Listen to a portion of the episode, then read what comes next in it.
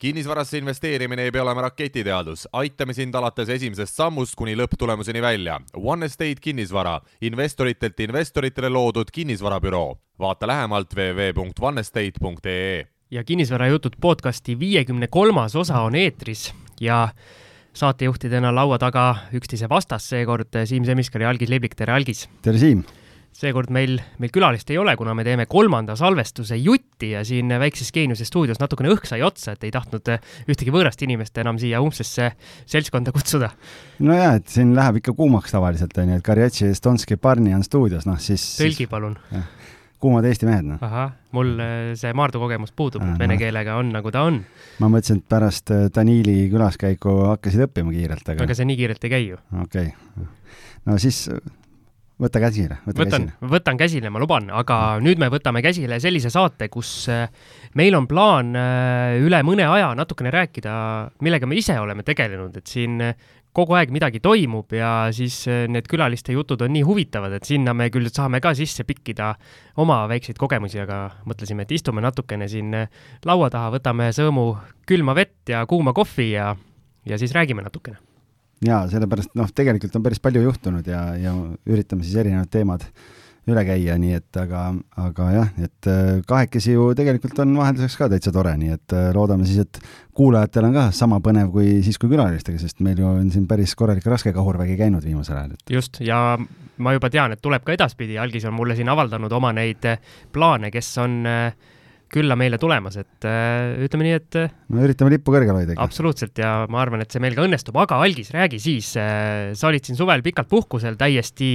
nii-öelda oh, kättesaamatu. kes seda mäletab enam vot ja ma tahtsingi küsida, et kas, kas jälle on nii-öelda ratas täiega keerlema läinud, et ostad, müüd ja vahetad? jaa, kusjuures on küll, et ega ei, ei saa aru küll, et, et siin midagi oleks nagu muutunud, et praegu on, on siin igasuguseid põnevaid asju äh, on käsil, et, et siin üüriportfell on jälle, on, on siin praegu, on täitunud ja sama kiiresti ka jälle tühjaks saanud ja et äh, müügiobjekte viimasel ajal ei ole sattunud, et selle koha pealt ei ole nagu palju rääkida, et äh, eks me kõik näeme ja, ja loeme, mis turul toimub ja ja, ja selles mõttes on nagu seal põnevad ajad, aga, aga praegu üüriturul on, on samamoodi, käib hirmus action, kui, kui nagu müügi poole pealt, et äh, just vaatasin äh, täna siin, et, et kui KV-s vaadata üürikuulutusi, on ju, et kui me aasta tagasi oli siin kaks tuhat üürikuulutust, siis praegu on tuhat viiskümmend kaks oli tänase seisuga Tallinnas, nii et, et tegelikult on üüriturg on ikkagi nagu väga jälle nii-öelda omaniku poole soosiv ja siin, kui meie kuulajad kuulevad mingeid ajamäärusi täna või äh, nüüd või homme, siis äh, me salvestame seda saadet tegelikult äh, septembri keskel, ehk siis välja tuleb see siin umbes kolm nädalat hiljem, nii et arvestage sellega, et võib-olla kolme nädala pärast on olukord juba drastiliselt muutunud. ja mõni vaatab portaali ja mõtleb, et see vend ikka numbreid üldse ei tunne, nii et et, et pidage siis seda silmas, et me saame rääkida sellest, mis täna toimub ja, ja no selle üüriga on tegelikult äh, mingeid huvitavaid asju saab tegelikult välja tuua, et äh, ikkagi täna on jälle see, et äh, kui aasta jooksul siin üürihinnad ju vahepeal kukkusid või noh, peale koroona tulekut, siis nüüd on ikkagi see, et ma ütleks, et üürihinnad on taastunud äh, sellel tasemel, kus nad olid enne või kohati isegi natuke kõrgemad. Ja noh, mul on selles mõttes ikkagi nagu väga vedanud, et äh, suur kummardus kõikidele äh, klientidele ja ma mõtlen just ka nii-öelda investorite näol, kellega, kelle, kes oma korterid mulle on usaldanud, sest mul kuidagi on õnnestunud kõigiga nagu see kokkulepe saada, et koduloomad on ka lubatud. et äh, noh, ma olen nagu suutnud neile ära põhjendada, et et päeva lõpuks ei ole vahet, kas Siim, tema laps või tema kass midagi seal korteris ära kriimustab, ära lõhub, päeva lõpuks üürnik vastutab selle eest ja, ja, ja, ja seal on veel eraldi need lisakindlustused ja asjad ja kõik ja kui rendini kaudu teed ja, või, või lemmikloomakindlustused, asjad. Ja täna, mis see nagu tähendab, ongi see, et mul inimesed jooksevad tormi korteritele sellepärast, et nad ütlevad, et lemmikloomadega korterid, kuhu on lemmikloomad oodatud, ei, praktiliselt ei ole turul. aga mis see tähendab, see tähendab seda, et noh, näiteks ma panin, panin Nõmmel ühe kahetoalise korteri üürikuulutuse ülesse ja ma panin viiskümmend eurot kõrgema hinnaga, kui tegelikult noh, võib-olla nagu selle korteri eest võiks saada. sellepärast, et mul on lemmikloomad lubatud ja, ja selle rendihinna on veel juures, et saab ilma tagatisrahata ja nii edasi. Ja mul on ühe päevaga tuli neli või viis huvilist sinna, et ma nüüd homme lähen näitama. Ja, ja üks inimene kirjutas, et ma võtan ära kohe ilma kohale tulemata, et ma elan Soomes, mul on ainult aeg-ajalt vaja kasutada, kui ma käin Eestis, on ju, ja poeg käib külas, tal on kass, noh, et, et äh, kui sa mõtled niimoodi, et sa saad viiskümmend eurot kuus rohkem näiteks mingi korterist või sada, noh, see on kuussada eurot aastas rohkem, et kui sul isegi tekib mingi kahju seal, sul on deposiit näiteks või sul on rendin, pluss sa teenid sealt nagu rohkem, et siis see katab selle kulu ära, mida see lemmikloom teeb, mida nii hullult kõik kardavad. et, äh, et tegelikult ei maksa seal nii suurt tonti näha, kui te võib-olla arvate. nojah, hundikoeraga võib-olla ei võta päris, on ju, aga kui sul on mingi kass ja ta on veel kümneaastane ka ja enamusel on ronimispuud ja asjad ja kõik on olemas, on ju, et et ma arvan, et ei maksa nagu üle tähtsustada seda no mul see Vaida korter muidugi juba kolme kuuga retsiti retsiti nii ära, et aga. no ja, aga seal ongi noh, samamoodi, et ma arvan, et me Siimuga pärast räägime võib-olla sellest teemast äh, lähemalt, et, äh, et äh, mul on ka üks, ühe võlgniku saaga on just lahenenud ühes korteris ja, ja see on nagu väga, väga oluline teema võib-olla, kuna Siimul on ka üks võlgniku case just värskelt siin käsil, et siis me saame võib-olla sellest poolest rääkida ja seal oli ka üürnik elas pool aastat sees ja, aga see, ja tal oli koer aga koera osas mul ei ole mingeid pretensioone, selle koha pealt ei olnud nagu midagi. koer oli normaalne. koer oli normaalne ja, ja tegelikult oli lihtsalt see, et jah, et äh, inimesed olid ka tegelikult normaalsed ähm,, aga, aga noh, seal oli mingeid asju juhtunud ja, ja ma ütlengi, et noh, täna ikkagi inimtegevusest tulenev kahju on nagu tõenäolisem kui lemmiklooma äh, tegevusest tulenev kahju et, et, et see on nagu lühidalt kokkuvõttes ja, ja noh, muidugi erinevate investoritega saab töötada ja, ja kuna meil on siin Siimuga panime ka ühe koha pealt leivad ühte kappi, et siis neid tegevusi, tegevusi, millega nagu tegeleda praegu on nagu päris palju, nii et, et põnevad ajad. Sa sõnastasid nii kenasti seda leivad ühte kappi, aga ma saan öelda, mul naine ei kuule, vaata, et ja. siis ma, ma saan kasutada seda, seda väljendit, et mul abikaasa ilmselt kuuleb, nii et äh, oleme natuke ettevaatlikumad, aga sellest räägime täpsemalt saate teises pooles äh, jaa, aga räägime võib-olla kõigepealt, Siim, sellest, et äh, sinul on äh, üks edukas flip on selja taga jälle, nii et äh, ma ei tea, kas sa saad kuskilt arvutist seda plaksutamise heli ka panna, aga, aga räägime võib-olla meie kuulajatele, et me küll ühe boonusosa tegime, kus me rääkisime sellest flipist ja, ja kõigest sellest poolest, aga tolleks hetkeks ei olnud sul veel müük tehtud. et räägi võib-olla lühidalt, võta kokku, et kuidas sul see,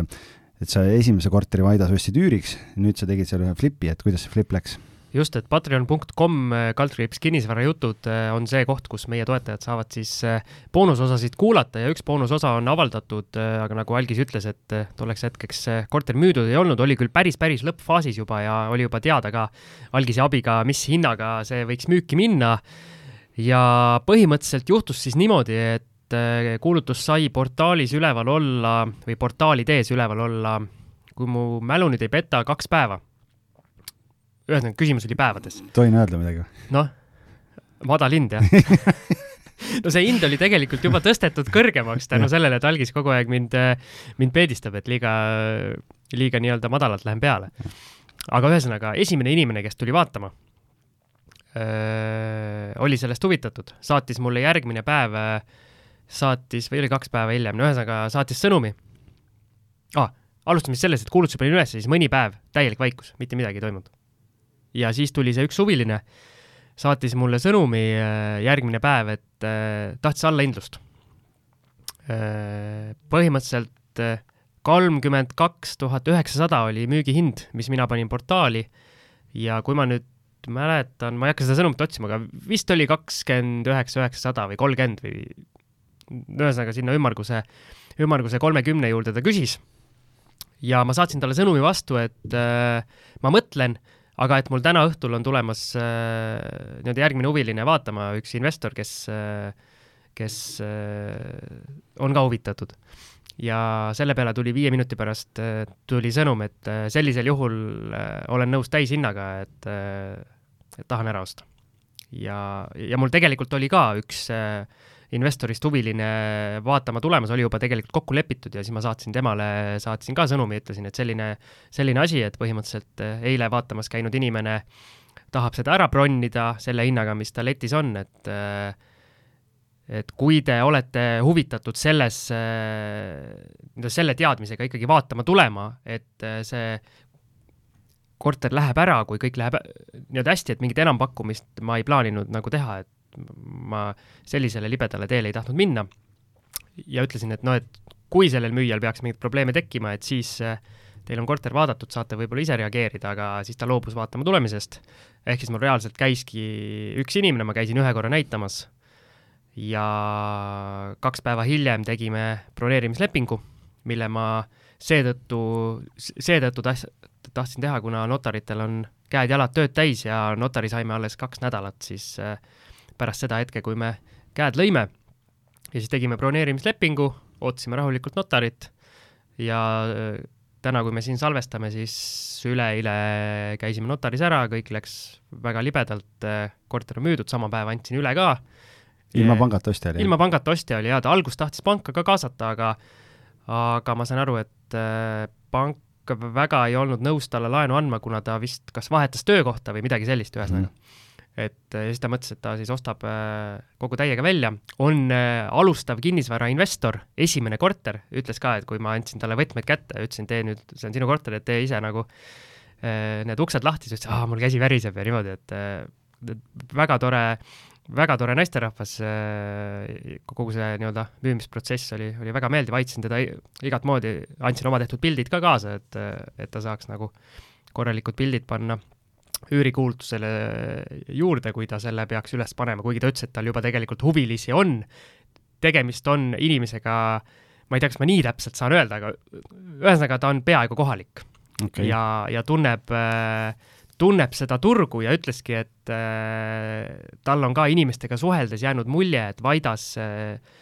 soov üürida on suur, aga pakkumine on äh, väga väike.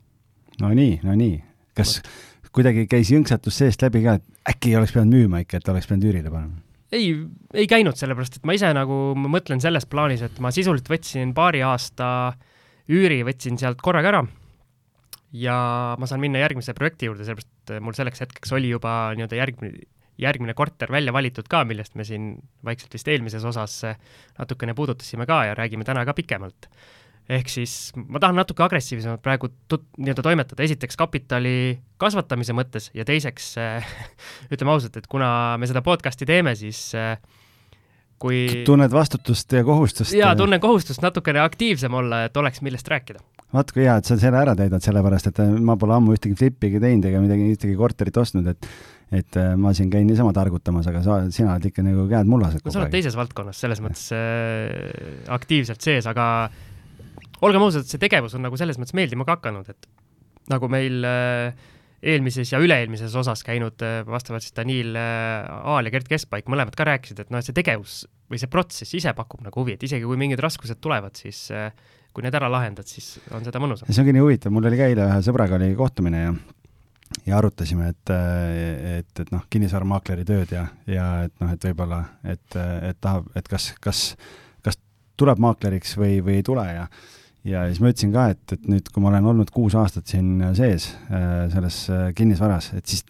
need tegevused on, kõik on nii ägedad, et, et ei kujuta nagu ettegi, et ei oleks siin või noh, et see nagu, see on niisugune never ending asi, et sa kogu aeg on ju mingeid asju teha, et kas ongi noh, et mingid flipi asjad või, või, või kuidagi mingid, mingid erinevad teemad nagu ja see on nii suur ja lai teema, et, et sinna võib ära uppuda.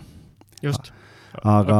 aga siis siit me jõuamegi äkki võib-olla nüüd järgmisesse kohta, või räägid numbritest ka midagi? Äh, numbrid on seal boonusosas tegelikult või boonusosa juures. me võtsime juppideks seal lahti. ma sinna nii-öelda tekstina kirjutasin juurde, juurde kõik alates sellest äh, ostuhinnast ja lõpetades müügihinnast ja kõik, mis sinna vahele jäi, et kui palju läks renoveerimine ja no meil on see nii-öelda põhiteema alati kõikides saadetes igal pool, et kui palju ruutmeetri peale mingi korteri nagu täisrenoveerimine läks, et seal päris sellist numbrit äh, teada ei saa, kuna vannituba jäi äh, mul sellisena, nagu ta oli, vaid nii-öelda mingid pisiparandused, mis äh, noh, otseselt mingit, mingit raha ei nõudnud, aga, aga tuba siis läks täitsa jah, paneelideni nagu puhtaks ja kõik uued põrandad, värgid, et okei okay,, nii et siis mingi indikatsiooni saab et Patreoni toetajatel on see info olemas, kes tahab tutvuda, siis patreon.com kaldkriips kinnisvarajutud saab just. see info kätte. näed, Algis teab ka seda kohta, kuigi tal endal ligipääsu pole. no ma just mõtlesin selle peale, et, et, äh, et Siim on, on nii kitsi. kitsi ja küüned enda poole, et mulle pole ligipääsu sinna teinud, et et ma pean vist ise toetajaks hakkama, et siis ma saan ka ikkagi lugeda ja näha, mis absoluutselt, seda me ootame, seda me ootame, Algis, et sa ka meid, meie saadet ükskord toetama hakkaksid. Iseennast toetada, no kui keegi teine ei toeta, siis toetan ise. Aga et kui me rääkisime siin, et kinnisvaraturg on nii lai, et noh, et sinna võibki ära uppuda ja sukelduda, siis, siis äh, sina nüüd äh, sukeldusid uuesti oma teise, teise nii-öelda huudi ähm, nii-öelda pärusmaale sinna äh, ja jõudsid tagasi ringiga Kehrasse, et äh, räägi, räägi meie kuulajatele, et kuidas, kuidas see nüüd juhtus? no sellest võiks terve saate teha, aga proovime siis kiirelt, kiirelt selle teema ka kokku võtta, ühesõnaga mul sattus täiesti juhuslikult Facebookis, kuna ma olen Facebookis sellises, sellises grupis nagu Kehra grupp mul on tavaliselt see komme, et kui ma kuskile mingi korteri ostan või midagi vaatan, et siis ma lähen Facebookisse. topid see, oma nina teiste ja, asjadesse? Lähen sinna piirkonna gruppi ja natukene nagu kuidagi proovin, proovin kohalikku vaibi, vaibi tunnetada ja sellest on siiamaani enne juba kasu olnud. no näiteks sellesama, et kui palju seal nii-öelda grupis kirjutatakse, et soovin üürida või kui palju pakutakse üürikorterid, et et sealt saab mingi, mingi tunnetuse kätte, et siin on Tallinnas ka igal linnaosal on omad grupid ja et äh, et ma soovitan seda täitsa teha, see ei võta tükki küljest. ja ma olin seal Kehra grupis ja nägin, keegi jagas äh, sellist asja, et äh, Anija vallavalitsus müüb äh, oksjonil korterit täpselt selles majas, täpselt selles trepikojas ja täpselt sellel samal korrusel, kus mul see Kehra eelmine flip oli, mis nii-öelda rahaliselt oli väga suur õnnestumine. ja läksin vaatama, tol hetkel oli vist paar nädalat veel seda äh, seda nii-öelda oksjonit jäänud, et see oli just üles pandud. ja keegi veel pakkuma ei olnud asunud või oli esimene pakkumine ära tehtud. aga ühesõnaga panin endale selle nii-öelda bookmark idesse selle lingi ja hoidsin pidevalt silma peal ja mõtlesin, et, et kuidas mul see Vaida asi läheb, et noh, seal väike nii-öelda kapitali nüanss ka, et et kuidas raha kokku saada, et kui Vaidat veel selleks ajaks maha ei saa müüdud, noh, nüüd tagantjärele targana äh, saab öelda, et õnneks, õnneks kõik klapib ideaalselt. aga ühesõnaga tuli see oksjonipäev kätte ja ma olin äh, võtnud endale eesmärgiks, ma ei, ma korterit vaatama ei läinud, kuna pildid olid okeid ja huvitaval kombel see, see naisterahvas, kes mu see, selle eelmise koh-, eelmise Kehra korteri ära ostis, see läks kohe, kui sinna kolis, läks ka maja ühistu sinna juhatusse ja hakkas seal kohe asjatama siis äh, ja ma saan temaga nii-öelda pärast seda müüki väga hästi läbi, et me siin oleme meile vahetanud ja niimoodi. ja siis ma uurisin tema käest selle korteri kohta ja mis neil nüüd seal majas plaanis on ja ja sain väga, väga ammendavaid igasugu nii-öelda vastuseid ja ja olin üsna julgelt äh, sinna oksjonile peale minemas, panin endale hinnapiiri äh,, ma võin numbrid ka välja tuua, kakskümmend üks tuhat vist oli alghind, kui ma nüüd õigesti mäletan no suurusjärk selline, ühetoaline. minu see eelmine Kehra korter oli kahetoaline. kui suur see ühene oli? Äh, kakskümmend seitse või kakskümmend kaheksa ruutu vist mm. -hmm. ja ühesõnaga üks tuba vähem ja circa kolmteist või kaksteist ruutu vähem siis. ja kakskümmend üks tuhat oli alghind. ma meenutan kuulajatele, et selle teise Kehra korteri või esimese siis ostsin ma kahekümne kuue tuhandega, mis oli kahetoaline aga see praegu, mis ma ostsin, on mõnes mõttes veidi paremas seisus. et äh, seal on põrandad just hiljuti tehtud toas siis ja, ja vannituba on umbes samas seisus, et äh, äh aga seinad on nii-öelda tapeeditud ja laes on see, see vahtplastplaat, see hästi kole mm, -hmm. mis mm -hmm. nii-öelda pannakse, et ühesõnaga seinad ja lagi tuleb nagu täiesti uueks teha, aga see ei, ei ole nagu äh, nii kallis kui näiteks põrand täiesti nullist teha, nagu ma nüüd mhm. Vaidas äh, oma selle flipiga avastasin, kus äh, en-, en, enamus ehitusmaterjali maksumust lõpuks oli see OSB no, meil oli Koidus samamoodi ju, et täitsa hullumaja, äh, et jah. vot, ja siis ma nagu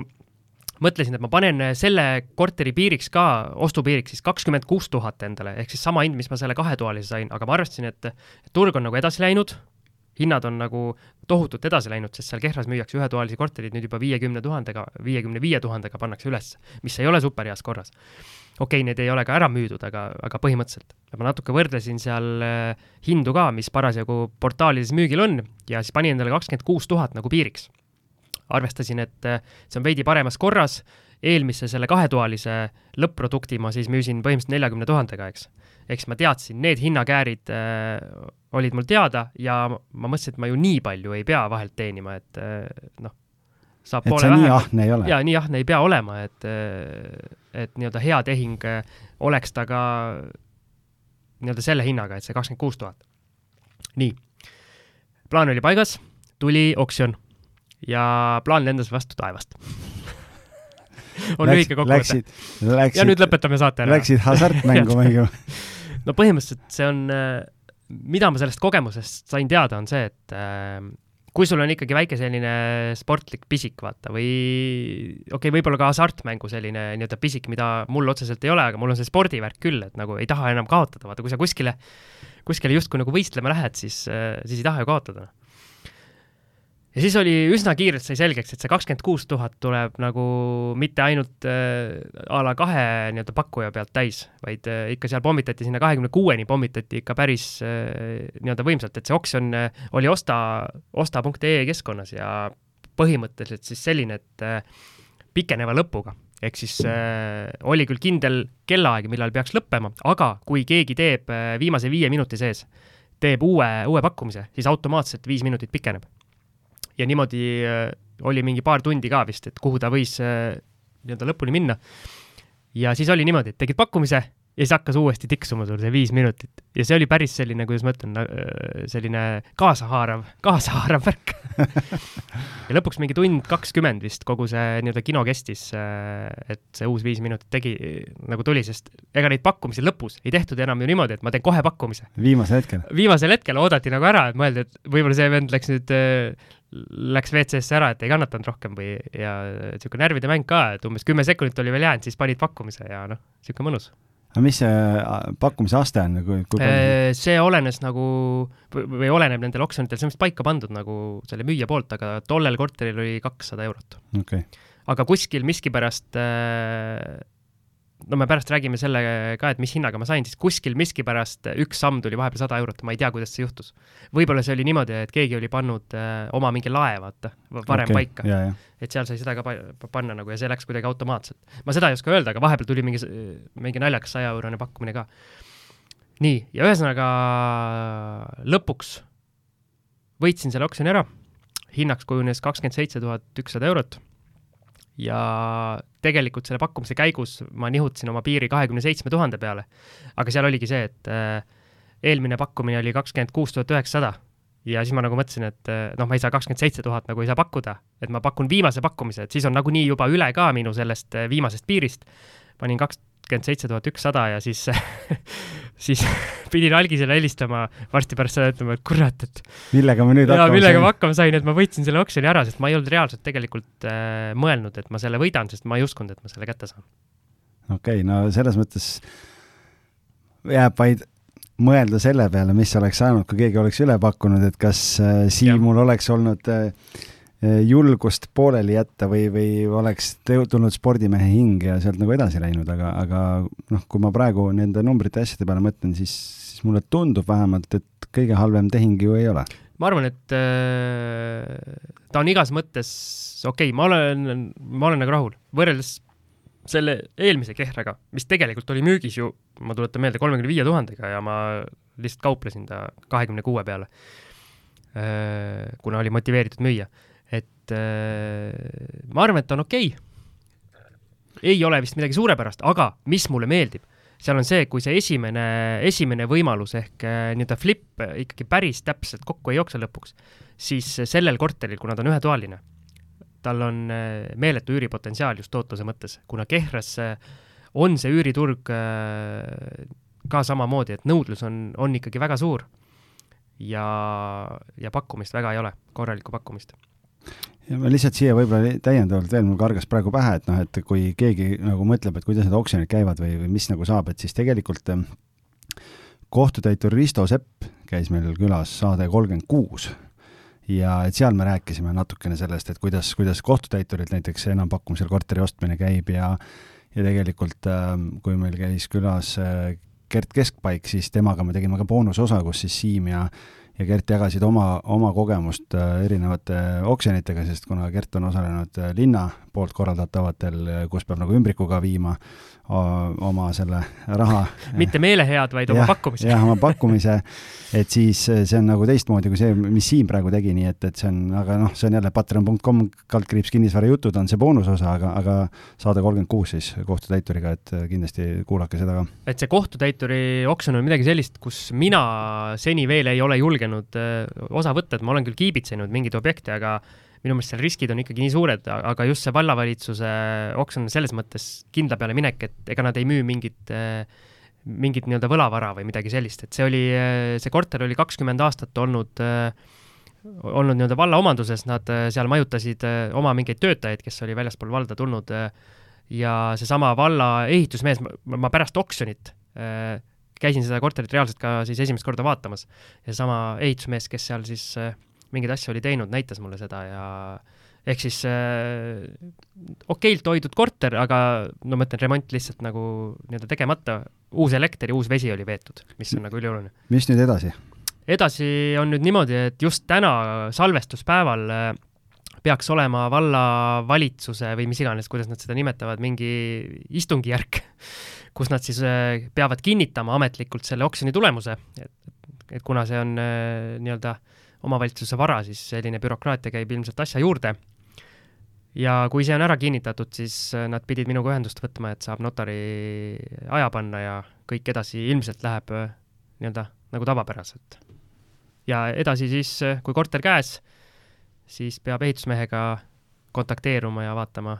mis ja kuidas edasi. okei okay,, no igal juhul väga põnev, et äh, loodame siis praegu äh,, nagu me ütlesime, septembri keskpaik on, et äh, paar kuud jah, ja siis saame juba tibusid lugeda jälle, et, et kuidas seisud on. ja, ja seal konkreetses Kehra majas nii-öelda rahvas oli väga tänulik mulle, et ma selle eelmise korteri ära ostsin ja ümber pöörasin ja nii, nii toreda inimese sinna sisse sain. Läksid vaatama, siis punane vaip oli maas, pas, kohalik äh, pasunakoor oli sealt äh, mängimas ja kõik. sest äh, ma ei tea, kas ma siin seda olen maininud, aga tuli välja, et eelmine omanik oli äh, ütleme siis otse välja narkodiiler seal, et ehk siis aknast äh,, aknast toimetati mingeid asju ja seal mul äh, omanikul, kes minult selle korteri ära ostis, käidi ka ükskord akna taga koputamas, aga kui saadi teada, et on äh,, on, on uus inimene sees, siis vabandati viisakalt ja öeldi, et enam ei tule. Ei no see on põnev, see on põnev, et äh, aga okei okay,, kas sa tahad selle, selle Kehra kohta veel midagi lisada või? ma arvan, sellest äh,, kui see asi ed edasi läheb, siis kindlasti nüansse siia saatesse või erinevatesse saadetesse ka tilgub. okei okay,, aga siis äh, liigume edasi ja, ja, ja ma tegelikult äh, mõtlesin, et võib-olla äh, kuna ma olen varem ka rääkinud ju noh, meie korteritest ja, ja me tegelikult äh, kahest Flipi korterist, mis me kunagi ostsime, ühe ikkagi ju jätsime enda kätte refinantseerimise laenu ära ja see on siis Koidu tänaval ühetoaline korter. see on äh, niivõrd äh,, kuidas ma ütlen äh,, vägev korter, et sellest on vist isegi kaks boonusosa meil no, tehtud või isegi, isegi põhiosas oleme rääkinud. linna kõige kõvem stuudio, et jaa, seal on flipitud ja seal on veel ka igasugu äh, probleeme juhtunud. no just, et äh, ja, ja sellega ma lihtsalt räägin võib-olla lühidalt äh, ära siis, et mis meil nagu sai, on ju, et meil oli ju, oli ju plaan kevadel ta välja üürida pikaajaliselt, aga siis juhtus see, et kui oleks üürnik kolmesaja üheksakümne viie euroga seitsmeteistruudune korter ähm,, oli, oli põhimõtteliselt leitud ja siis selgus, et ülemine naaber uputas meid ära, enne kui me üldse jõudsime seda, sinna rahavoo tekitada,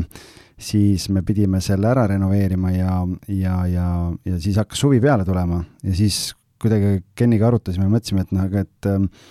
äkki prooviks Airbnb-d, et äh,, et oh, vaatame enda korterit, noh, me tavaliselt kui keegi kontakteerub minuga korterite suhtes, mis on äh, ütleme, teisel pool, teisel pool Tõnismäge ja seal uus, uue maailma piirkonnas ja seal, siis, siis me noh, elu on näidanud, et kalkulatsioonid ei ei vea nagu välja, et kui sealt meie teenustasud ja asjad maha võtta ja värgid, et siis, siis ta ei ole ei, ei meile väga motiveeriv käivete suhtes kui ka, kui ka omanikele. aga nüüd praegu, kui, kui me panime selle äh, korteri ülesse, siis ega meil polnud õrna aimu ka, kuidas meil sellega minema hakkab, sest noh, maja ise on ülikehvas seisukorras ja ei ole nagu väga ilus, aga me panime need pildid sinna juurde, et inimesed teaksid, kui nad tulevad, et milline maja välja näeb, et ei ole mingit üllatust ja ma nüüd, äh, ma ei ole kulude poolt kokku löönud, sellepärast et mul nii-öelda käigu pealt tuli täna see mõte, et võib-olla võiks nagu jagada inimestega seda tulemust, et noh, kui me võtame seda, et meil oli kolmesaja üheksakümne viiega oleks olnud üürnik äh, olemas seal, kuna remondifond on üle neljakümne euro, noh, meil oleks puhas, puhas äh, rahavoog oleks olnud kolmsada viiskümmend, siis äh, nüüd on võib-olla hea nagu võrdlusmomenti tuua, et, et aga miks äh miks teil üürnik remondifondi ei maksa? sellepärast, et seal on lihtsalt see, et kuna on elektriküte ja asjad, et nagu seitsmeteist ruutmeetrise korteri kohta, kui sul talvel elektri- ja kommunaalarve läheb äh, seal sada, sada kümme eurot, siis see nagu ei ole väga mõistlik ja ma pigem selle mõtlesime, et okei okay,, et, äh, et maksame selle ise, aga küsime rohkem üüri selle võrra ja see nagu toimis, oleks noh, mm. tegelikult kolmesaja üheksakümne viiega nagu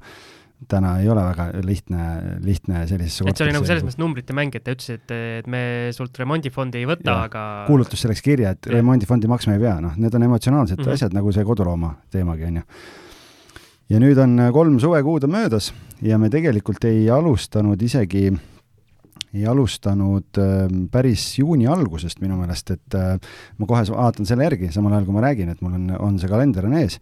ja siis mees on äh, multifunktsionaalne, et teeb mitut asja korraga. no ega siin peab olema, nii et äh, see on nagu maak-, maakleri. jah, ma võin kuulajatele öelda, et kogu meie saated on niimoodi lindistanud, et, lindistatud, et algis on kogu aeg telefoni otsas ja samal ajal pläkutab ja, midagi. jaa, see on alatu laim, et, et, äh, et külastajad, meie, meie külalised võivad kinnitada, et Siim ajab, ajab äh, udu. jah, Daniil eelmises saates just muidugi kinnitas, et nii ongi aga ma ei olnud telefonis, ma, ma panen kogu aeg ära kõnesid, vaata, noh, ma saan aru, et sa oled kade, et sulle keegi ei helista, on ju. Nii,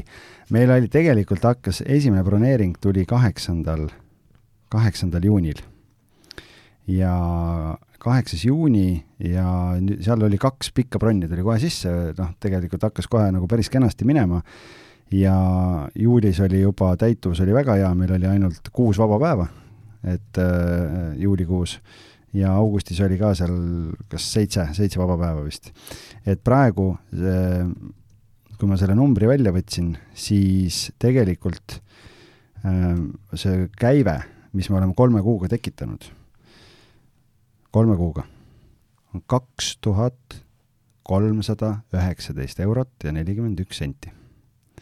kolme kuu üür oleks olnud tuhat. noh, siia kolmsada viis, kolmsada üheksakümmend viis korda kolm, noh, ütleme eh, tuhat kakssada on ju, nii. Et eh, kaks korda suurem käive peaaegu kolme kuuga, küll siin on see vahe, et eh, kommunaalid on enda maksta, internet on enda maksta, no kogu see pool aga, aga tegelikult on, see tulu on olnud nagu oluliselt kõrgem. siin on küll väike tärn.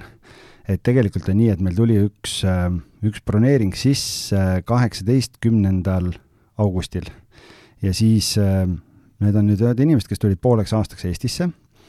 ja siis äh, nemad otsisid omale korterit, nad võtsid alguses vist kaheks nädalaks ja siis ähm, või, või, või nädalaks ajaks tähendab, ja ütlesidki, et me tuleme, et me võtame selle jaoks, et me tuleme kohale, me hakkame otsima endale kohapeal elamist. aga no ei ole lihtne leida, keegi ei taha täna pooleks aastaks anda ja, ja siis nad olid umbes mingi üks päev enne check-out'i kirjutavad, et kuulge, et meil on nagu hull mure, et ähm, meil on vaja kuuks ajaks nüüd tahaks pikendada aga meil budget on mingi, ma ei tea, kolmsada viiskümmend või nelisada, mis nad kirjutasid, on ju, ja noh, me ütlesime, et sorry, aga noh, et see ei ole nagu huvitav, et, et me jätkame Airbnb-s ja me ei taha nagu sellise hinnaga nagu välja üürida. ja siis äh, lõpuks, siis ta küsis, et noh, mis hinnaga te olete nõus. ja, ja siis me ütlesime selle summa, ma peast ei mäleta, mis see summa oli, aga ma ei tea, a la seitsesada või midagi, noh, ikka nagu päris, päris tunned, sest kui sa mõtled sealt Airbnb tasu läheb veel maha ja, ja mingid asjad ja mõtlesime, et noh, september tuleb, et, et võib-olla on nagu hea, et saame kuuks ajaks nagu kindel värk. et see nüüd kajastub ka siin summa sees, et tegelikult nad võtsid nagu kuuks ajaks, äh, pikendasid, et äh, ja see bronn lõpeb neil kahekümne viiendal äh, septembril, et tegelikult oleks mõistlik jagada mitte kolme kuuga see, see tulu, vaid, vaid neljaga. et noh, siis on niisugune viissada seitsekümmend üheksa eurot nelja kuu eest, aga septembri viimane nädal on veel vaba nii et sealt võib tulla veel lisa, et kui me võtame siit kommunaali ja interneti maha, eh, siis ma arvan, et selline viissada eurot jääb kätte, sest eh, noh, okei okay,, pesude pesemised ja asjad on ka veel, aga, aga ütleme, et siin on, eh, et see, see tulu on olnud kõrgem, kui oli Airbnb või selle pikaajalise üüriga oleks olnud. nii et, et isegi üllatavalt hästi nagu läks et, et on ka võimalik sellise väikese korteriga, aga noh, ma ütlengi, et, et kui, kui siin nagu teenus sisse võtta, siis investorile jaoks see nagu väga, on ta nagu fifty-sixty, et, et siis peab nagu vaatama, et, et kas nagu tasub ära või mitte, et sellepärast me olemegi öelnud, et me kuldselt, nii-öelda see kuldne ring, et me sealtpoolt väljapoole väga ei võta, sest see ei ole endale motiveeriv ja, ja investoritele ka. et seal vist ongi see point, et kuna teie selle halduse ja Airbnb-ga igapäevaselt tegelete, siis te teete seda selgelt paremini kui turu keskmine ja teil see nii-öelda halduspool, ma ei tea, kas kajastub ka seal kuludes? Sa mõtled enda Enda jah, kui te noh, selles mõttes, et meil me, meil otseselt seda ei ole, siin noh, pesu pesemised ja kõik asjad, see ju ikkagi, me lööme nagu kõik, kõik kulud nagu objektide peale ju laiali mm, -hmm. et, et aga ma lihtsalt, kuna see tuli nii eksprompt siia saatesse tulles, ma lihtsalt mõtlesin, ma räägin sellest nii-öelda kulu poolest, aga noh, ega see pesu pesemine on noh, niisugune suurusjärk kaks eurot eurot pluss käibemaks on kilo ja aga koristamised ja need äh, noh, koristamise tasu on, on tegelikult okei okay,, see on jah, koristamise tasu on ka veel, aga koristamise tasu ei ole, meil on eraldi välja toodud, selle me maksame välja, et jah, tegelikult see on hea point, et see läheb siit maha veel, et, et noh, siis aga noh, kuna broneeringuid on kokku olnud üks, pikad bronnid on olnud, üks, kaks, kolm, neli, viis, kuus, seitse, üheksa, kümme, üksteist, kaksteist, ainult kolme kuu peal, tegelikult nagu selles mõttes enamus broneeringuid üllataval kombel mingi nädal ja, ja kuskil sellised. ja see ööhind, mis me küsisime, oli niisugune nelikümmend, alguses vähem, alguses oli niisugune kolmkümmend kuni nelikümmend eurot, et saada kiiresti asjad jooksma. Ja siis pärast oli selline nelikümmend, viiskümmend eurot suvel, isegi seal keset suve ikkagi oli, saime mingid ööd isegi ka kuuekümne euroga sisse, me olime nagu ise šokis, et noh, see on nagu nagu üli-ülihea hind. aga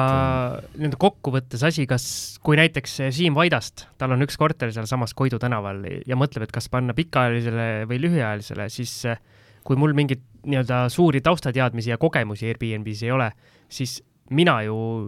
oluliselt, oluliselt paremat tootlust seal ei teeniks. no just, et sa pead, vot siin ongi see, et tegelikult on ju hästi paljud on küsinud, et just mul üks tuttav kirjutas paar päeva tagasi, kuule, näed, et siin mingi üheksakümne viie tuhande eurone korter, et ma mõtlesin, et ostan, et noh, uue maailmas, et jube hea maja ja värgid ja et noh, et äkki, äkki paneks Airbnb-sse, et teete ära, on ju, ja siis, siis ma ütlesingi talle, et, et noh, tegelikult ei, ei ole sul nagu mõistlik, sellepärast et tänases turuolukorras, kus on jaa, korterid on kaks korda vähem, kui oli kui oli enne koroona tulekut, aga turiste on ka kaks korda vähem, et ma ütlesin, täna on Airbnb puhul asukoht veel olulisem kui, kui enne. aga kuna meil lihtsalt selles mõttes me tahtsimegi proovida, et kuna aeg ei soosinud äh, võib-olla üürile andmist suve algus on ju, tudengid just lähevad ära ja, ja kõik see aeg, et siis selles mõttes ja meil kogemus oli olemas, siis meil oli nagu hea teha ja me tegelikult teenisime siit nagu plussi pikaajalisega võrreldes et see oligi nagu info kogumise mõttes ka jah, et nagu suuresti. just ja nagu testida, et me oleme ju klientide korteritega teinud, aga nüüd tegime esimest korda nagu enda korteriga ka ja ja, ja no ega me midagi teistmoodi ju ei tee, et kogu protsess on tegelikult nagu samasugune ja see, aga see näitab noh, teatud mõttes nagu näitab seda potentsiaali, et, et, et kui on nagu ikkagi väga ilus korter, siis noh, saab, saab natukene võib-olla kesklinnast väljaspool ka, aga täpselt kui Siim tahab teha ühe korteriga, siis sa pead arvestama siit sellest summast maha oma aja, kogu need kulupooled ja asjad ja siis tekib küsimus, et noh, oskusi ja teadmisi ka võib-olla ei ole väga, et siis tegelikult ta nagu selles plaanis tõenäoliselt mõistlikum panna pikaajalisse. et, et ikkagi südalinn, vanalinn täna, kui sa tahad nagu väga head raha teenida Airbnb-ga. meie nii-öelda kuulajate jaoks see sektsioon algas äh, väga nagu nii-öelda suure, suure emotsiooni pealt ja lõpuks tuleb äh, see, see kokkuvõte, see on turundus. et ei ole mõtet. ei no aga tegelikult, kui sa noh, kui sa mõtled niimoodi, et kui sa, kui me, kui me praegu võtaks nii, et me ostsime korteri näiteks, tegime korda, nüüd hoidsime kolm kuud üleval või neli kuud, võtsime korraliku cash'i sealt ja kui nüüd näiteks müüks, siis tegelikult selles plaanis oli nagu, oleks nagu super. Aga noh, me ei plaani teda müüa praegu lihtsalt ja, ja praegu me lihtsalt võib-olla ongi eh, noh, hoiame teda, kuna me ju investoritele ütleme ka, nende korteritega kõikidega teeme kolmsada kuuskümmend viis päeva aastas, nüüd me hoiame seda edasi ja vaatame, kuidas madalhooajal nagu läheb, et, et mis siis nagu saab, nii et võib-olla kuskil aasta lõpus saame järgmise kokkuvõtte teha, et kuidas siis madalhooajal on ju, ja siis saab nagu vaadata, kas on hapud viinamarjad või ei ole. aga super ja ma arvan, et siit on hea minna järgmise teema juurde, see, mida Algis natukene saate alguse osas äh, leivad ühte kappi panemise all äh, vihjas ka, et äh, räägi. jah, me noh, eks me oleme siin ju pikalt heietanud sellest, et äh, kõikide külalistega rääkinud, et teha üksi või teha kellegagi koos ja nii edasi ja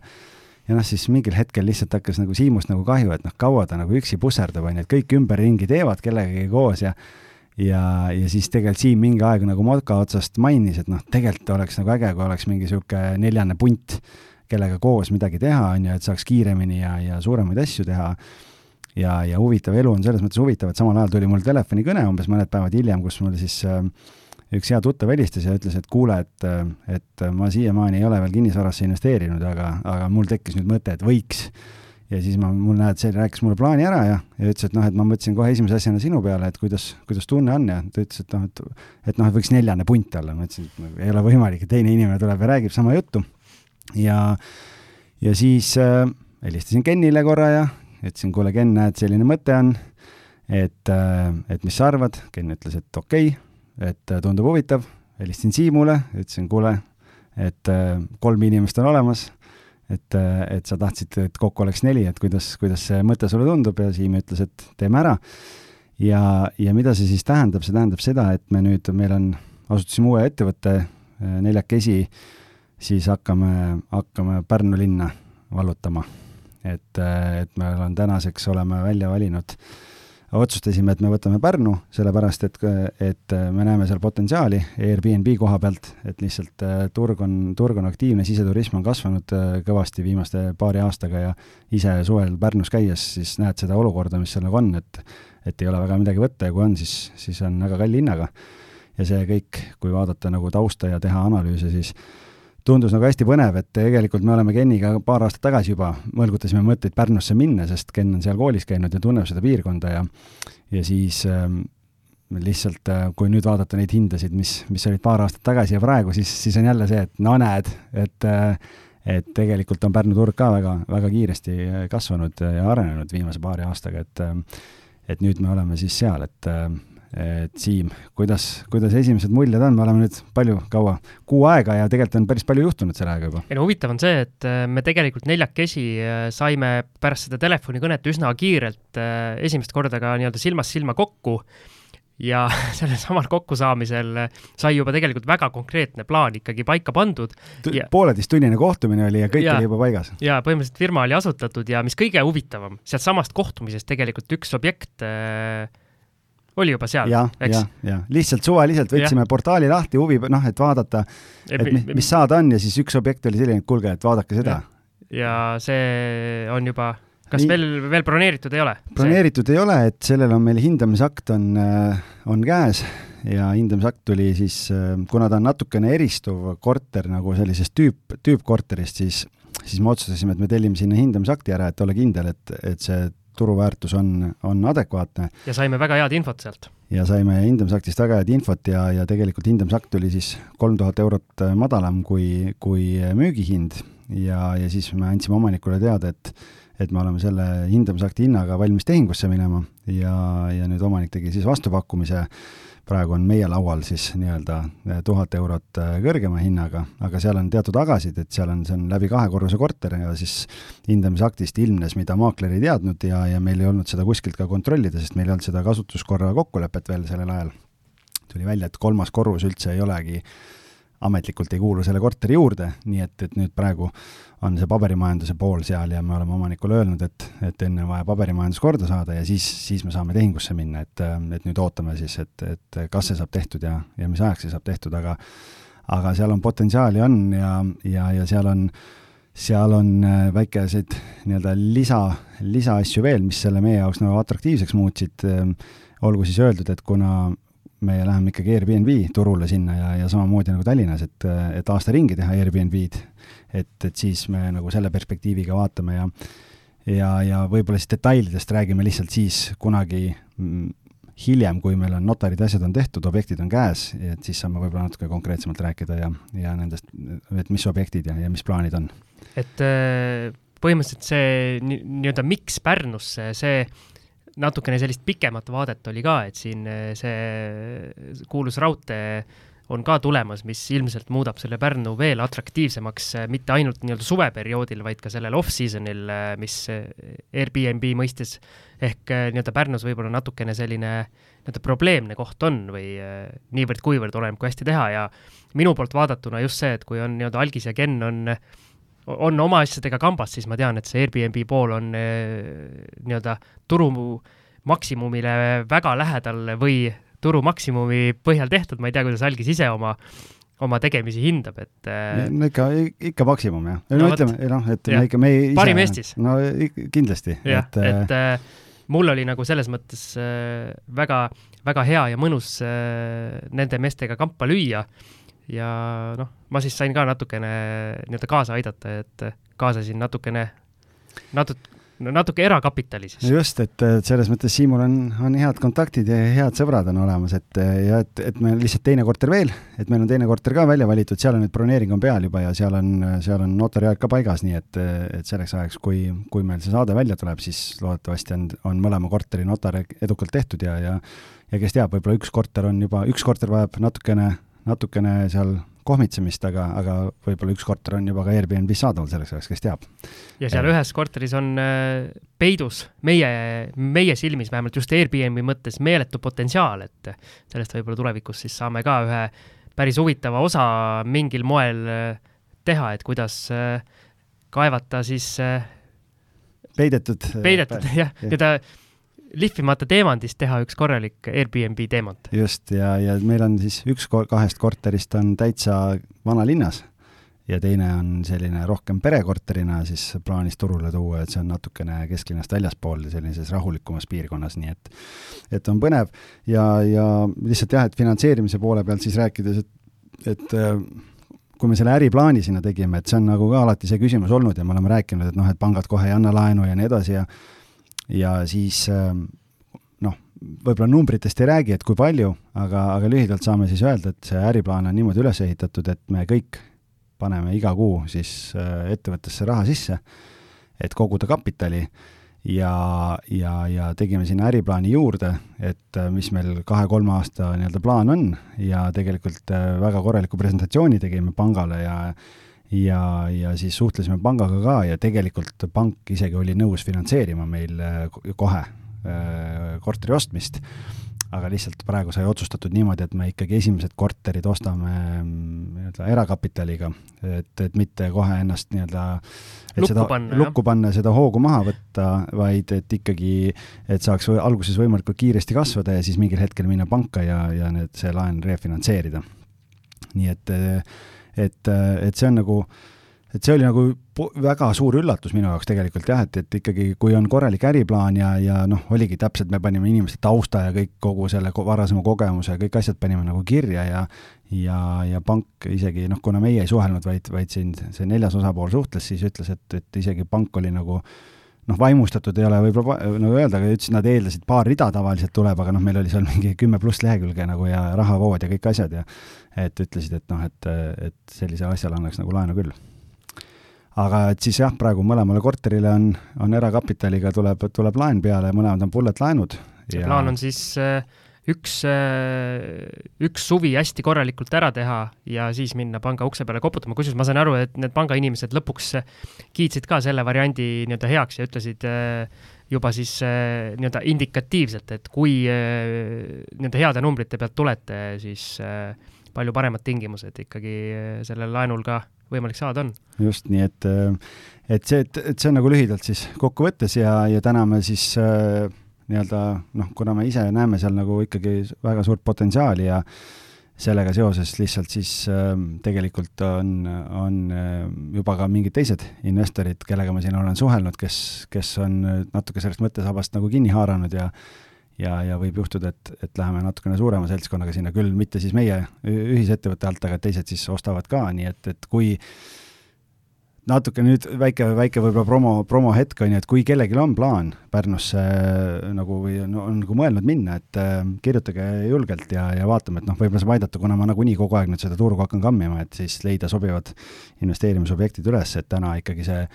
tootluse number tuleb seal nagu ilusam kui, kui Tallinnas, vähemalt need kalkulatsioonid, mis ma olen teinud, et äh, ja, ja teiselt poolt on ka siis see, et äh, kuna meilt on hästi palju ja pikalt küsitud, et millal te tulete Tartusse, millal te tulete Pärnusse oma haldusteenusega, kuna me nüüd oma korteritega nagunii läheme sinna,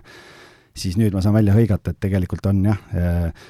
nüüd me läheme Pärnusse ka, nii et kui kellelgi on täna Pärnus Airbnb korterid ja tunneb, et ise ei, ei jaksa, ei taha enam, enam hallata või, või äkki tunneb, et, et võib-olla on nagu rohkem potentsiaali, kui ise oskab sealt nagu välja võtta, et siis samamoodi kirjutage ja teeme analüüsid ära ja ja vaatame, et kas, kas seal annab nagu koostööd teha või mitte ja kirjutage siis algisele, mitte mulle, sest mina ei oska selle kohta midagi vastata. ma, ma, ma võin rääkida, mis Vaidas toimub otsige minu kontaktid üles ja, ja kirjutage jah, et Siimule võite kirjutada Vaida või Kehra Kehra küsimustega, et. Kehras ma nii hästi kodus ei ole seal.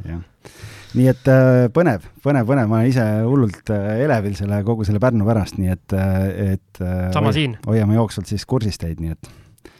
et äkki, äkki siit tuleb midagi suurt ja ägedat. muide, Siim, noh, moka otsast sulle mainisin ka, et tegelikult kunagi kümmekond aastat tagasi sõpradega tegelikult me pidasime sarnast plaani. Ja päris huvitav oli, et ma leidsin äh, postkastist äh, vana kirjavahetuse, ma mäletan väga hästi, see toona, toona niisugune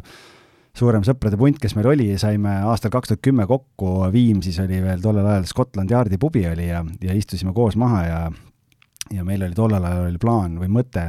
et isegi täpselt ei mäletanud, aga sealt emailist tuli välja, et võtta kahekümne pealine punt kokku ja igaüks paneb kuus viissada krooni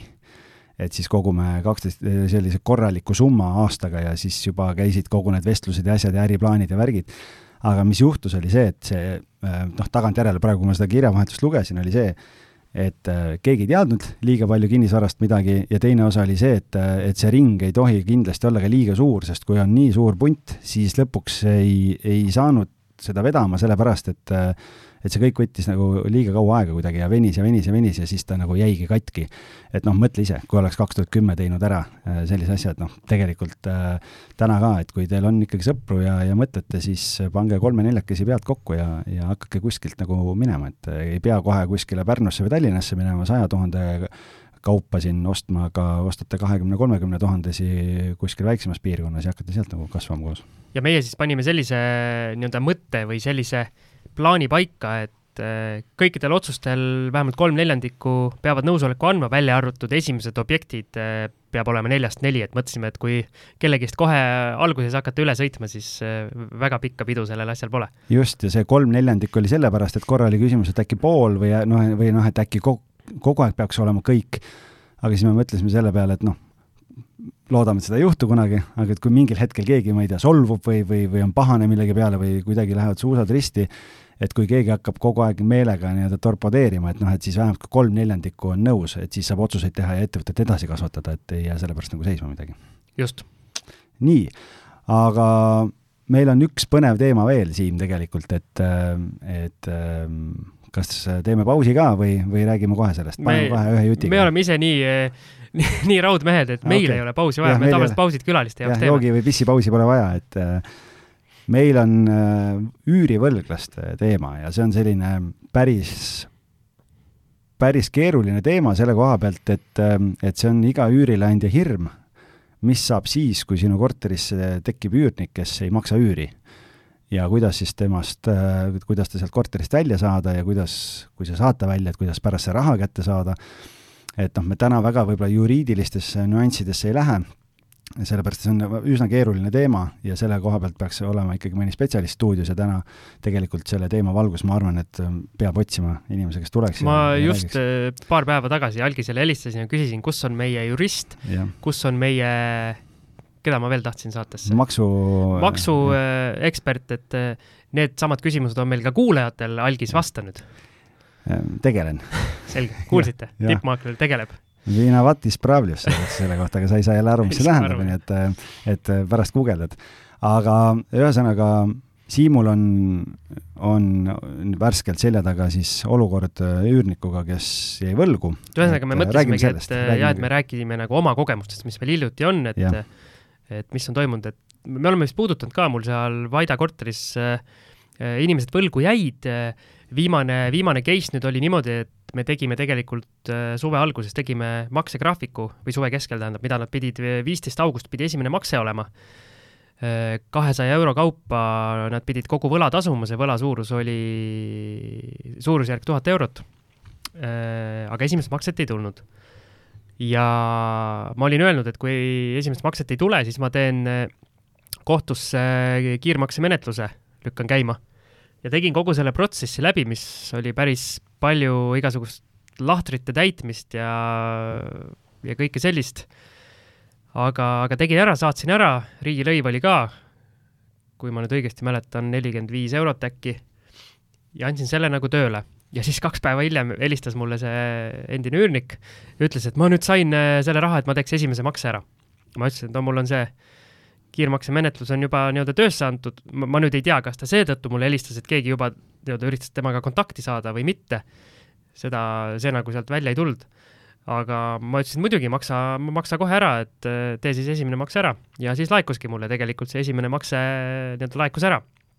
aga ma ütlesin talle ka, et ega ma ei tea, kuidas ma nüüd ma seda nii-öelda menetlust nagu vist nii-öelda seisma panna ei saa ja ma ei tahagi, kuna ikkagi see võlg on oluliselt suurem ja nüüd mingid otsused seal menetluses tulid ära, aga ma, ma vahepeal unustasin selle ise täitsa ära, ehk siis mingit meili mulle ei tulnud. ja nüüd ma läksin ise paar päeva tagasi, kui meil oli plaan sellest rääkida,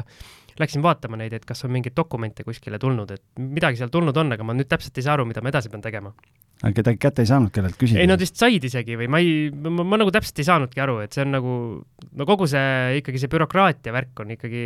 noh, kirjutatakse mingeid asju ikka võimalikult keeruliselt, et,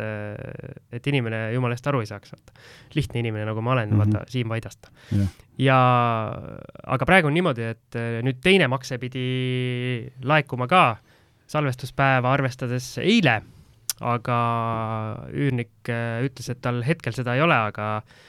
kuuvahetuse paiku tahaks teha kaks makset korraga, et kas ma sellega olen nõus. ma ütlesin, et ma nõus äh, ei ole, aga kui nii on, siis äh, võta ühendust et ma midagi endiselt nagu seisma ei pane, aga et praegu ma juba võtan, et kõik, mis sealt tagasi tuleb, on nagu boonus, et et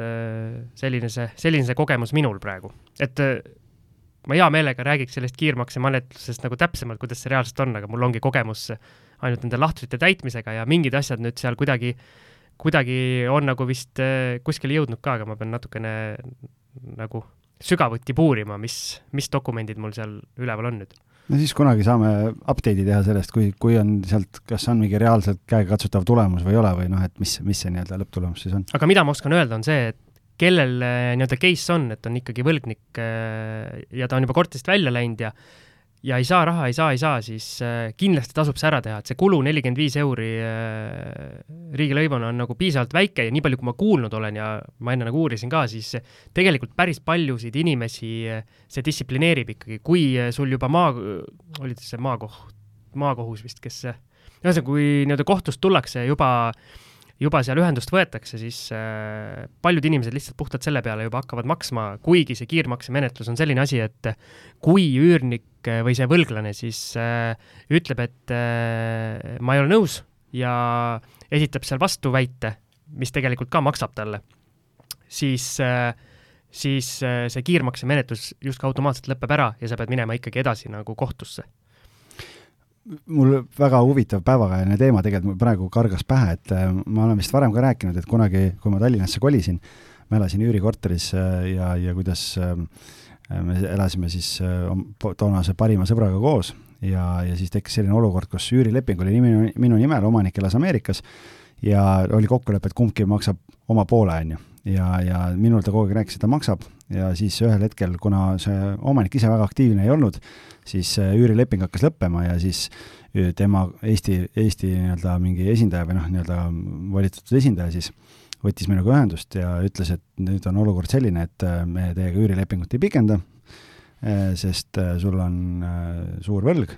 ja see on vaja ära maksta ja kui sa seda ära ei maksa, siis inkassod ja kohtutäiturid ja asjad, on ju. Ja siis ma pidin pangast laenu võtma, väike laenu, võtsin kaheks aastaks, maksin selle raha ära. Tegin sõbraga laenulepingu kaheks aastaks. et tema maksab siis kuu, kuude kaupa selle mulle ära, ta muidugi ei maksnud seda ära, siis see summa kasvas päris arvestatavalt, siis me kaks aastat hiljem tegime uue lepingu, mis oli juba nagu päris palju suurem kui, kui see esimene, ja kui ta siis ikka ei maksnud, siis ma, mul oli leppetrahvipunkt lepingus, mis kasvatas seda summat veel päris märkimisväärselt ja ma ütlesin lepingu üles, see läks kohtutäituri või inkassosse, inkasso raha kätte ei saanud, läks kohtutäituri kätte, kohtutäitur siis mõistis nii-öelda õig-, õigeks nagu noh, tähendab õige, et ma saan, saaks oma raha kätte, muidugi sealt siis, sellest on üle kümne aasta möödas. Ja sealt siis tilkus seda raha nelikümmend kuus senti ja, ja noh, mingeid imesummasid tuli, inimesel üle kümne aasta konto suletud. ja Siim nädal tagasi wow. hakkasid liikuma pensionirahad. ja algiselt tuli rahalaev. ja ma sain kohtutäiturilt info, et kuna viimased kuud nüüd oli tulnud juba, seal on mingi sada viiskümmend eurot ja niimoodi tuli, ma vaatasin, et oh, et inimene on käsile võtnud ja ja, ja ma olin ammu, noh, ammu-ammu maha kandnud selle, ma ei uskunud, et midagi tuleb üldse. Ja kohtutäitur kirjutab, et kogu jääk on minu kontol, raamatupidaja kahe nädala jooksul kannab raha üle, nii et äh, ma ise pensionit välja ei võtnud, aga aitäh nendele inimestele, kes võtsid oma võlgasid, tasusid, nii et, et äh, piiks-piiks ja raha tuleb no,. et äh, üks vana võlg sai, sai nagu tasutud, et, et ja, ja noh, kohtutäitur ütles veel selle kohta niimoodi, et tegelikult müts maha. et inimene võttis selle otsuse ja tegi ära ja maksis ära, sest ta ütles, et täna kahjuks on see olukord, kus väga paljud inimesed teevad Lätti ja Soome, teevad omale pangakontod ja kantakse raha sinna ja nemad kohtutäituritena ei saa mitte midagi teha. et nad teavad, et see raha läheb sinna, aga nad on suht jõuetud nagu. nii et, et on, on üllatusi olemas elus, nii et, et kõik ei ole, kõik, kõik ei ole kadunud. soojendate vana sõprussuht üles? ja las ta jääb, ma arvan. et äh, aga, aga sealt siis noh, et mul tuli lihtsalt meelde sellega, et see kohtutäitur noh, et, et motiveerib, et, et tõenäoliselt äh, on, et ega eks ta tekitab ikkagi ebamugavust nagu ja, ja ei saa normaalselt elada. aga mul on ka värskelt siis äh, võlgniku kogemus olemas, et meil on äh, ühe halduses oleva üürikorteriga tekkis siis selline olukord, kus äh, suve alguses üks üürnik äh, ei maksnud enam ei üüri ega kommunaale, kõigepealt see hakkas kommunaalide võlgnevusega pihta ja, ja siis läks, kandus üle siis äh, sinna üürisummaks. üritasime temaga kontakti saada, kontakti me ei saanud, ei vastanud ta emailidele, ei vastanud telefonidele, noh, see on juba see märk, et, et et, et inimesel on probleem ja, ja noh, ei, et ta ei taha sellele probleemile lahendust leida aga me hakkasime hästi aktiivselt kohe selle olukorraga tegelema ja, ja, ja siis äh, pean ütlema, et äh, tänu, see olukord sai äh,, tänaseks on saanud eile, sai väga nagu noh, selles mõttes positiivse lõpplahenduse, et äh, see leping oli Rendini kaudu tehtud, Rendin käis meil saates külas ka ja me oleme sellest rääkinud, et, äh, et, et seal on erinevad nii-öelda siis garantiid üürileandjale ja, ja tegelikult üürnikule siis ka ja, ja kui, mis siis nagu juhtus, oli see, et lõpuks, kui üürnik oli juba kaks kuud üürivõlgu ja kolm kuud kommunaali, siis me saatsime talle, nüüd tänaseks on juba kolme kuu üürivõlgnevus ja, ja nelja kuu kommunaalid, me saatsime talle siis,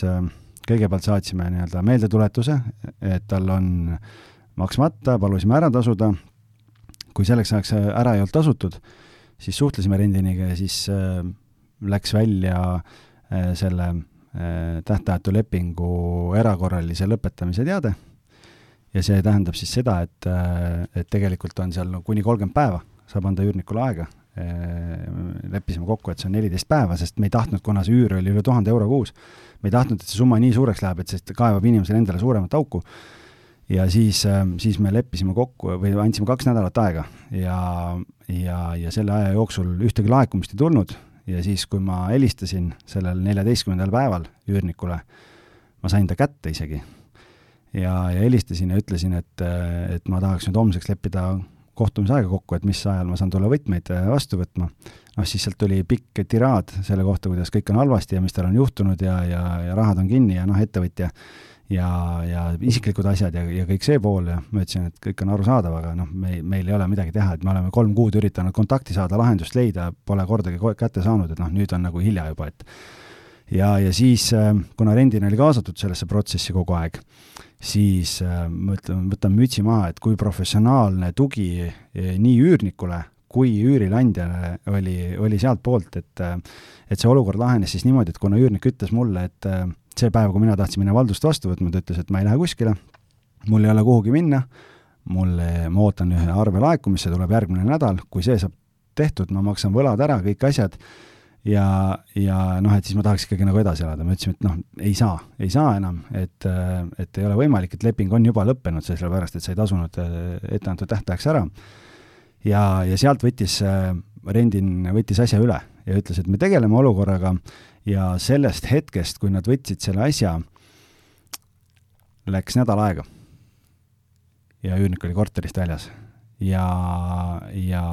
üliprofessionaalne, et, et nad äh, üürnik ütles, et mul ei ole isegi kuskil ju asju ladustada, mul ei ole raha, ma ei saa, ehm, rendin äh, leidis laopinnad, asjad ehm, ja rendini garantii ongi see, millest me oleme ka varem rääkinud, et kui sul jääb üürnik muutuma maksejõuetuks, siis rendin maksab üürivõla ära omanikule ja tegeleb ise üürnikuga, kuidas ta selle raha kätte saab. ja noh, ma detaile ei tea, aga ma tean, et see mingi notariaalne leping tehakse omavahel ja positiivne on see, et äh, meie saame oma raha kätte, üürnikul, üürnik saab omale lahenduse, et tal ei kaeva see auk ei kaeva sügavamaks, nad leidsid talle ajutise elupinna, ma ei tea, kas hotell või noh, ühesõnaga mingi lahendus, et kui tal nüüd tulebki see laekumine, siis ta saab oma asjad ära maksta ja nii edasi ja ta saab eluga edasi liikuda. aga noh, üürileandjana ei saanud seda uskuma jääda, sest tegelikult ühe korra ta kolme kuu jooksul oli lubanud, jaa, ma maksan ära. ja, ja kuna ta kontakti ei võtnud, siis, siis ma selles mõttes nagu ütlen, ütlen siinkohal küll, et, et, et nagu see andis veel kinnitust, et tegelikult see on nagu üli, ülivajalik ja hea teenus turul. Ehm, ja ma ei näe täna mitte ühtegi põhjust, miks mõni üürileandja peaks ilma selle teenuseta oma korterit tahtma nagu üürile anda nagu, et kui seal ei oleks seda rendini klauslit olnud, siis eriti, kui sa oled Siim Vaidast näiteks ja sul noh, ei ole väga palju kogemust ja ongi üks või kaks korterit ja sa ei tea ja kogu see õiguspool ja asjad on ju, noh, nendel on legal tiim on seal taga ja, ja nemad äh, tegid nagu selle töö ära ja kõik tegid selle lahenduse, et nagu, et ma arvan, et äh, tavalise üürileandjana sul läks isegi hästi oma korteriga, et üürnik kolis välja ja, ja saite suhelda ja nii edasi. aga kui palju on täna neid üürnikke tegelikult, kes isegi, neil ei olegi võimalust võib-olla mingit lahendust leida või nad ei tahagi leida, ja sa ise ei oska midagi teha ka, aga et siis on nagu see support on nagu olemas, nii et, et äh, eilsega sain võtmed kätte, korteri jah, seisukord oli ka koeraga, üürnik, koera nii-öelda tegevusest mitte ühtegi jälge, jah, üürnik ise oli seal mingeid asju teinud, et, et on vaja seal mingeid maalritöid teha ja ja, ja mõned mööbliesemed on vaja välja vahetada, aga, aga noh, poole aastaga, et, et natukene üllatav oli aga, aga suures plaanis eh, ma arvan, ei midagi hullu, et see üürivõlgnevus oli nagu suurem mure kui, kui see, mis, mis seisus see korter seal nagu on, et, et aga, et need on nagu väikesed asjad seal ära teha. Et selline lühidalt kokkuvõttes. no selles mõttes hea positiivne lõpp, et äh, siia meie saatele ka siis nendele alustavatele investoritele, et isegi kui probleemid tulevad, siis äh, tegelikult ikkagi aja vältel äh, enamus asju kipub ikkagi lahenema jaa, noh, tegelikult ega seal ka, ega me, meil üürnikuga ei olnud äh, me, me nagu väga nii-öelda viisakalt mõlemapoolselt rääkisime, ei öelnud kuidagi see, et ta ei öelnud, et no ma ei lähe kuskile või midagi, et noh, inimesel oli klomp kurgus ja ütles, et mul on nagu ülipiinlik ja mul on üliraske hetk elus ja, aga mul ei ole kuskile minna, noh, et mul ei ole midagi teha.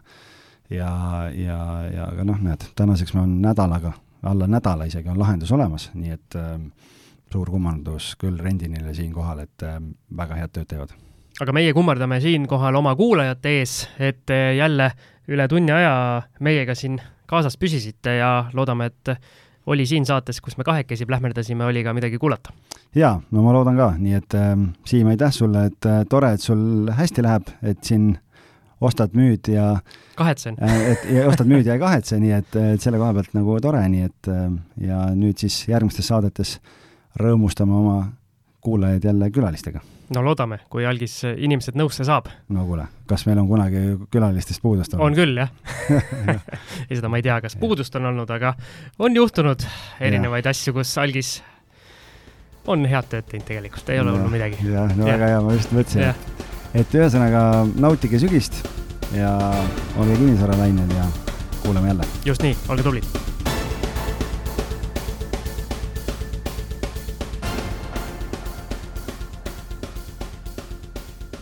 kinnisvarainvestoritele loodud kinnisvarabüroo, aitamised alates esimesest sammust kuni lõpptulemuseni välja. vaata lähemalt www.onestate.ee